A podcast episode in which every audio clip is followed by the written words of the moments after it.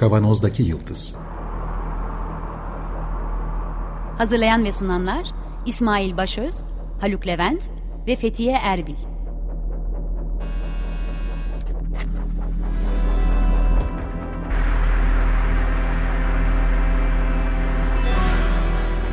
Bugünün penceresinden geleceğin ayak izleri. Zorlu Holding Sürdürülebilirlik Platformu Akıllı Hayat 2030, herkes için daha yaşanabilir bir dünya diler. Merhabalar, Açık Radyo'dayız. 95.0 dinleyici destek haftasında sizlerle beraberiz. Desteklerinizi bekliyoruz. Biz şu anda Kavanoz'daki Yıldız programına başlıyoruz. Tüm ekip hatta ara sıra bize destek olan Özge de bizimle beraber. Haluk burada. Merhaba. Fethiye burada. Merhaba herkese. Ve Özge Yılmaz yine bizimle. Merhabalar tekrar. Ben de İsmail. Birkaç haftadır biz beynin içine daldık. Damarlarında ve beynin her tarafında dolaşmaya çalışıyoruz. Neler olup bittiğini konuşmaya çalışıyoruz. Ee, geçtiğimiz hafta bir ALS hastasının konuşmadan ve parmaklarını kullanmadan nasıl tweet attığı üzerine bir sohbet yapmıştık. Ve burada kullanılan asıl materyalin beyin bilgisayar arayüzleri. Aslında başka türlü de söylemek mümkün. Beyin makine arayüzleri olarak da geçiyor kimi yerlerde. E, bu konudan biraz bahsedelim dedik. Bir yandan siz desteklerinizi sunarken Açık Radyo'ya telefon numarasını ben de hatırlatayım. 0212 343 41 41'den ya da açıkradyo.com.tr'den desteklerinizi iletirken biz de bu konuda beyin bilgisayar arayüzleri konusunda biraz sohbet edelim bugün. Müsaadenizle yine ben başlayacağım. e, şimdi önce çok kısaca kaba hatlarını bir çizeyim. Beynimizdeki aktivasyon malum herkesin bilgisi dahilinde nöron dediğimiz hücrelerin elektriksel uyarımı bir diğerine ve oradan da kaslara aktarmasıyla gerçekleşiyor. Bu elektriksel uyarıların okunması, bunların sınıflandırılıp tanımlanması ve bu tanımlanmış olan uyarıların daha sonraki fonksiyonel makinelere aktarılması üzerine kurulu bir sistem beyin bilgisayar arayüzleri. Kabaca böyle tanımlayabiliriz. Bundan sonra şimdi detaylarına doğru geçelim. Çok uzun süredir çalışılan bir metot bu aslında. Fakat yine de ben şeye girdiğimde işte PubMed taramalarına, medikal e, literatür taramalarıma girdiğimde 1980'lerden başlayan bir takım çalışmalar görebiliyorum. Fakat bu çalışmaların temelinde yer alan beyin dalgalarını ölçme, beyin dalgalarını alıp kaydetme süreci ilk 1924'te e, birçok insanın duyduğu elektroensefalogram ile Hans Berger tarafından ortaya çıkarılan diyeyim 1924'te başlayan EEG süreciyle başlıyor. Oğlunda yapıyor ilk kaydı bildiğimiz kadarıyla. Efsane. Öyle mi? E, evet. E, diğer programlarda bahsettiğimiz delta, alfa, beta, teta ve gamma dalgalarını EEG'de izlemeye başlıyoruz. Değil mi Özge? Doğru söylüyorum yanılmıyorsam. Evet. evet. E, bunlardan kısaca bahsetmiştik zaten. Biraz sonra anlatacağımız bu dalgaların artık bilgisayar tarafından okunması üzerinden gerçekleşecek. Ama 1950'de başka bir yöntem daha giriyor. EEG kafa derisinin üstünden yerleştirilen elektrotlarla gerçekleştirilirken başlangıçta elektrokortikografi 1950'lerde deneniyor. Bu biraz daha invaziv bir yöntem. Evet bu daha girişimsel. Şöyle oluyor. Normal EEG'de herhangi bir laboratuvarda böyle günlük bir iş gibi katılımcılara e, çok rahat uygulanabilir bir şey. Kafasının derisine küçük küçük böyle 5 kuruş kadar elektrotları yapıştırıp beyin aktivitesini ölçüyoruz. Ama ölçtüğümüz beyin aktivitesi beynin çok üst tabakası yani küçük bir alanı ölçebiliyoruz ve bu ölçümler esnasında arada işte beyin zarları, kafatası da olduğu için aldığımız sinyal hem zayıflıyor diyelim hem de bazen farklı sinyal gürültüleri işin içine karışabiliyor. Tabii ki bunu hani yine mühendislikle nasıl bu datayı oku, okumamız gerektiğini tabii ki yıllar içerisinde öğrendik. EEG'de en yaygın kullanılan beyin görüntüleme yöntemlerinden bir tanesi ama elektrokortikografi yani ECOG diye yazılıyor. ECOG diyelim. ECOG sinyali daha kaliteli almak adına bir beyin ameliyatı gibi bir girişimle elektrotların beynin içine yerleştirilmesi aslında. Yani dediğim gibi yüzeyden aldığımız sinyal evet çok iyi, hoş ama içeriden alabiliyorsak bu sinyali çok daha kuvvetli, çok daha nokta atışı aktivite yakalayabiliyoruz. Kafatasının belli bir parçasının kaldırılıp beyin yüzeyine bu plakanın serilip ondan çıkan küçük elektrotların, iğnelerin yerleştirilmesi de gerçekleşiyor benim gördüğüm. Evet, Doğru mu? evet. Yani o yama şeklinde olan elektrotlar var. Hı hı. Kafanın üstüne böyle seriyorsunuz onu korteksin üstüne. Beynin en üst tabakasını, en dışına yani. Ama kafatası içinde oluyor. Ya da böyle iğne gibi bir hani nasıl bir iğne böyle küçük parmağınızın uzunluğunda diyelim bir iğne gibi elektrotlar da var. O elektrotların üstünde de böyle çizgi çizgi farklı kontak noktaları var. Onu böyle Evet. beynin içine doğru saplayıp böyle gönderdiğiniz zaman farklı kontak noktaları beynin farklı yerlerine değmiş oluyor ve oradan e, beynin farklı yerlerinin aktivitesini hemen oradan e, olay yerinden almış, toplamış Bu oluyoruz. sırada ölmüyor hasta tabii ki. Hasta ölmüyor. Fazla bakılmayacaksın. Hem bu sırada hem sonrasında da Yani- ölmüyor. Devam edebiliyor tabii. E, Tabii orada biraz tabii etik sorular var. Biz Evet, e, bunu herhangi bir deney için bunu yapmıyoruz yani. Evet. Evet, bunu bir programda konuşmak gerekiyor. Çünkü bu konudaki tartışmalar e, devam ediyor ama bugün biraz kısa bir program yapacağımız için etik sohbetini daha sonraya bırakmak planındayız açıkçası. Evet. Çok önemli etik sorular var. Evet. E, birkaç tane daha yöntem var. Bu e, bahsettiğimiz elektrokortikografi invaziv dediğimiz yani vücudun içine girilerek yerleştirilen bir elektrot okuması. Beyin elektrik dalgalarını okuma yöntemi. Yine beynin içerisine ameliyatla yerleştirilebilen diğer çipler yine invaziv yöntemlerden sayabiliriz. Bir de yine dışarıdan yapılan EEG gibi magnetoensefalografi e, var. O da beyin dalgalarının yarattığı manyetik alanları izleyen bir ölçüm yöntemi. E, bir de en son zamanlarda artık fonksiyonel MR, fonksiyonel e, MRI diye geçen e, beyinde hangi bölgelerin hangi bölgelerde daha çok oksijen aktivasyonu olduğunu ve doğal olarak da hangi bölgenin nöronların çalıştığını izleyen yöntemler var. Şimdi bu yöntemlerle şeyi topluyoruz.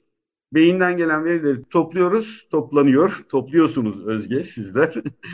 Biz dışarıdan meraklılar olarak izliyoruz. Sonra bu toplanan veriler diyelim ki EEG'de toplanan veriler bilgisayara aktarılıyor ve bilgisayar tanımlama, sınıflama ve makineye gönderme şeklinde bir proses gerçekleştiriyor burada. Tanımlama ve sınıflama artık zaman içerisinde e, öğrenen makinelerle ve ya da yapay zekayla artık iyice geliştirmiş durumda ve çok daha hızlı tanımlama ve sınıflama gerçekleştirilebiliyor. Bu da artık kullanılan cihazların verimini ve hızını da artırıyor.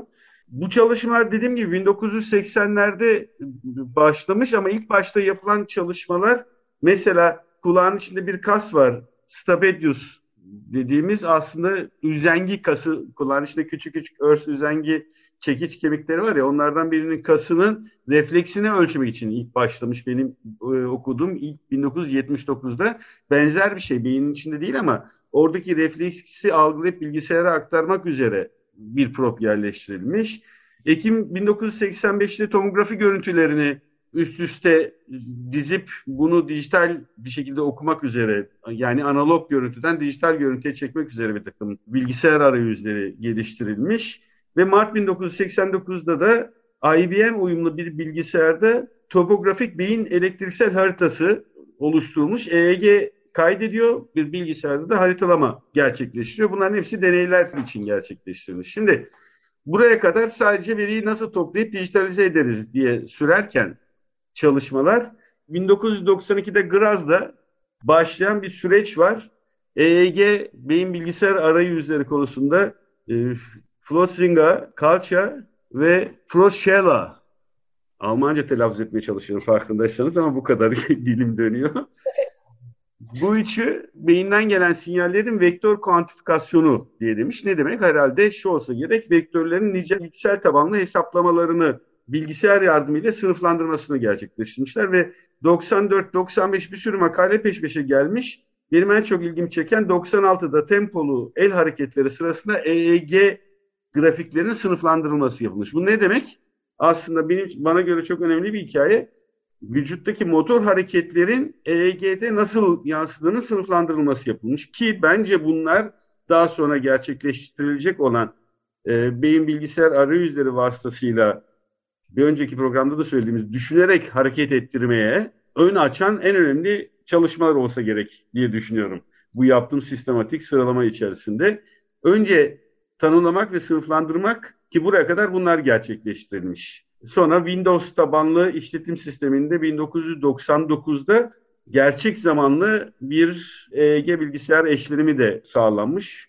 Bunun örneğini anlatmak istiyorum. Beyin bilgisayar arayüzlerinin ve bunların fonksiyonel makinelere, cihazlara bağlanmasını örneğini benim çok ilgimi çekti. Amerika Birleşik Devletleri'nde Jean Sherman isimli bir kadın hasta boyundan aşağısı felçli bir hale geliyor. Çok uzun süre aslında sağlıklı bir hayat yaşarken nörodejeneratif bir hastalık yüzünden ellerini ve kollarını tamamen kullanamaz duruma geliyor ve 10-12 sene boyunca böyle devam ediyor.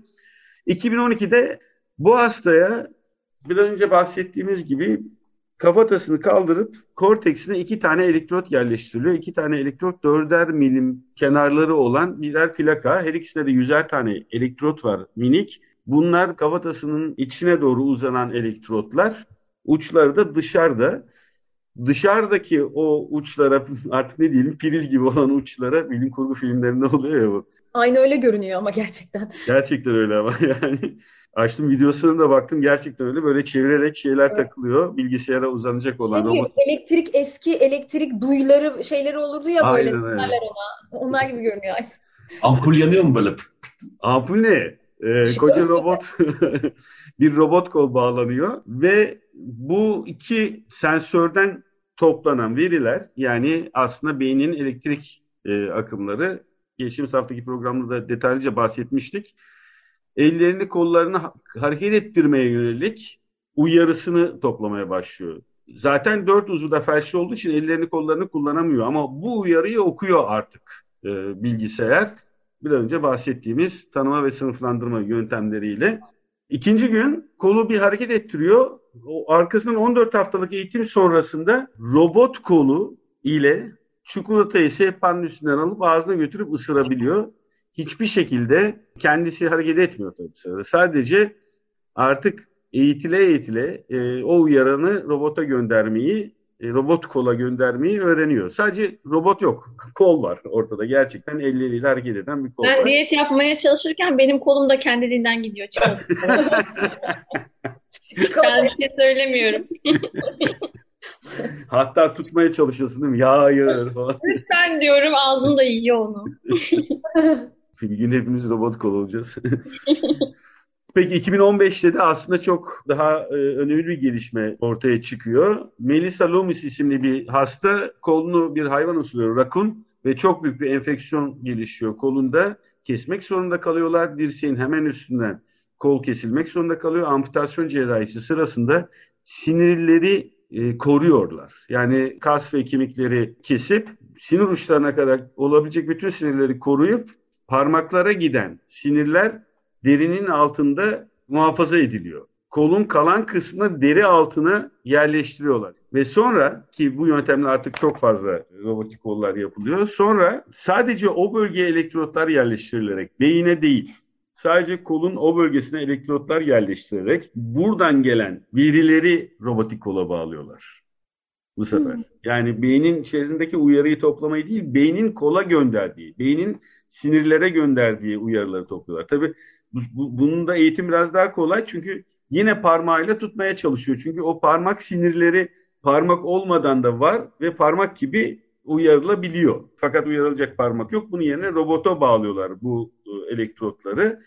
Tamam hadi bu bir de gelişme fakat en önemlisi buradaki en önemli dünyada ilk defa gerçekleştirilen şu robot kolun, robot kolun parmakların ucuna yerleştirilen sensörlerle oradan gelen veriyi bu sefer beyine gönderiyorlar. Ne demek? Basınç hissini mesela tuttuğu şeyi gözü kapalı olarak ne olduğunu tanımlayabiliyor. Bu bir top ve yumuşak diye söyleyebiliyor.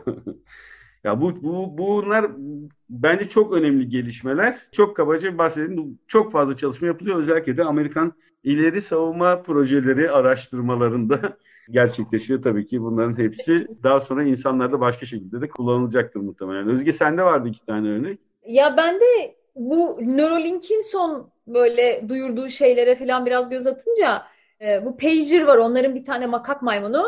Bilgisayar oyunları oynuyor. Önce bir joystickle oynuyor e, pager. Pe- bu arada pager'ın beyninde el ve kol bölgesine yerleştirilmiş 2000'den fazla elektrot var beyninde. Ve pager o elektrotlarla yaşıyor. Önce joystickle oynuyor oyunu. Joystickle oynarken kafasının içindeki elektrotlardan modelliyorlar aktiviteyi. Yani o el ve kol hareketini modelliyorlar. Hiçbir ve pager'ı görün hiç asla anlamazsınız çünkü kafasına kablolar çıkmıyor artık bu ha- hayvanın. Tamamen Telemetriyle yapıyorlar, topluyorlar. aynen wireless e, ve yani gösteriyor videosunda araştırmacının kendi telefonunda bir app var. O uygulamadan pager'ın beyin elektrotlarına datasını alıyor, görüyor, izliyor falan böyle. Onunla bağlanabiliyor. Neyse pager önce joystickle oynuyor, modelliyorlar bu sinyali el ve kol bölgesinden. Sonra da pager tamamen ellerini kullanmadan e, bilgisayar oyunları oynuyor. Ve yani bayağı da başarılı. Benden de daha iyi oynuyor. O pimpon oyunu var. İzledim. Gerçekten benden iyi oynuyor hayvan. Elleri arada- kullanmadan, joystick'i kullanmadan oynuyor artık. Joystick kullanmadan oynuyor artık. Ve hiç de demiyor ben bunu nasıl yaptım diye. Ağzının yanında pipet, muz suyu içerek pimpon oynuyordu ekranda yani. Gerçekten engelli olabilir insanlar için e, Evet. çok inanılmaz gelişmeler bunlar. yani. Hastalar için. Yani bu teknolojinin gittiği yer çok güzel. Ucuzlamalı. Ucuzlamasının yolu da yine buradan geçiyor. Bu teknolojilerin ucuzlaması. Ne kadar çok yapılırsa, ne kadar çok normalize edilirse teknolojinin de tabii gelişmesiyle birlikte daha böyle halktan e, çoğu insanın ulaşabileceği düzeye gelecektir diye umuyorum e, yani Evet. bu teknolojiler. Tabii bu arada şunu da belirtmek gerekiyor. Pager dahil bütün hayvanlar üzerinde yapılan deneyler daha sonra yapmayı planladığımız etik tartışmalarına dair programda mutlaka yer alacak. Elbette ki bu konu bütün dünyada gündemde. Bir şey daha var mıydı? Ee, şey var bir de yine Neuralink'in çılgın projesi kafamızın içine bir çip yerleştirip sonra o çipi yine telefonumuzdaki Spotify'a bağlayıp kafamızın içinden müzik dinleme. Haydi. Müjdeler olsun izleyicilerimize. Artık bizi içeriden duyacak. Ama bu- bir dakika ya. Ama radyo çeker mi? Çekmeyebilir. Ya bunu Bill, Bill Gates'in yapması gerekiyordu bunu. Niye? Beynin içine çip yerleştirilecek olan oydu ya bütün. Herkes Arada onu söyledi. Bağırma Aş- falan. Aşıyla yerleştirecekti. Elon Musk'tan çıktı bak görüyor musun? Elon Musk, e, çaldı bu fikri ve o çipi yerleştirerek artık müziği kulaklarımıza ihtiyacımız olmadan dinleyebilirmişiz. Yok. E Yok tabii bunu artık. altını şeyle dolduruyorlar yani bunu böyle diyor da altını şeyle dolduruyor. Yani bu çipler herhangi bir kimyasal beyin kimyasında bozukluk olan insanların tedavilerinde de kullanılabilir bir takım şeyleri salgılanmasında vesaire gibi. So- sonucunda bizim yaptığımız bu programları da podcast olarak dinleyebilecekler insanlar. Aynen beyninin içinde dediğim Haluk Hoca'yı Haluk Kolay Hoca'yı gelsin onlara. öyle. Yapacak motor korteksinde. Ben küçükken köyde büyüdüm. Radyo çekmezdi böyle. Küçük böyle taşınabilir Ya, radyolar koyardık cebimize. Anteni de yetmezdi. Üzerine çatal falan bağlayarak Ya. dinlerdik. Ben antensiz dinlemek istemem radyoyu. Yani teknolojinin Yok, kafa, kafan çekmiyor. Kafanı bir yere götürmen gerekiyor. Sadece orada durabiliyorsun. iletişim teknolojisinin en büyük buluşu bence radyo. Radyoyu da artık beynimize yerleştirelim ama neyse. Siz sevgili dinleyiciler Açık Radyo'yu yerleştirin yüreğinize, sevginize ve e, Açık Radyo'yu desteklemeye devam edin. Tekrar ben e, hemen söyleyeyim 0212 343 41 41 numaralı telefondan ya da açıkradyo.com.tr'den ulaşıp desteklerinizi, maddi desteklerinizi sunabilirsiniz. Lütfen bu dayanışmaya siz de katılın. Ee, bugünlük bu kadar. Bu programın size ulaşmasını sağlayan Açık Radyo'nun çalışanı bütün arkadaşlara çok teşekkür ediyoruz. Program destekçimize ve bütün Açık Radyo program destekçilerine çok teşekkür ediyoruz. Önümüzdeki haftalarda tekrar görüşmek üzere. Sağlıkla kalın. Hoşçakalın. Hoşçakalın.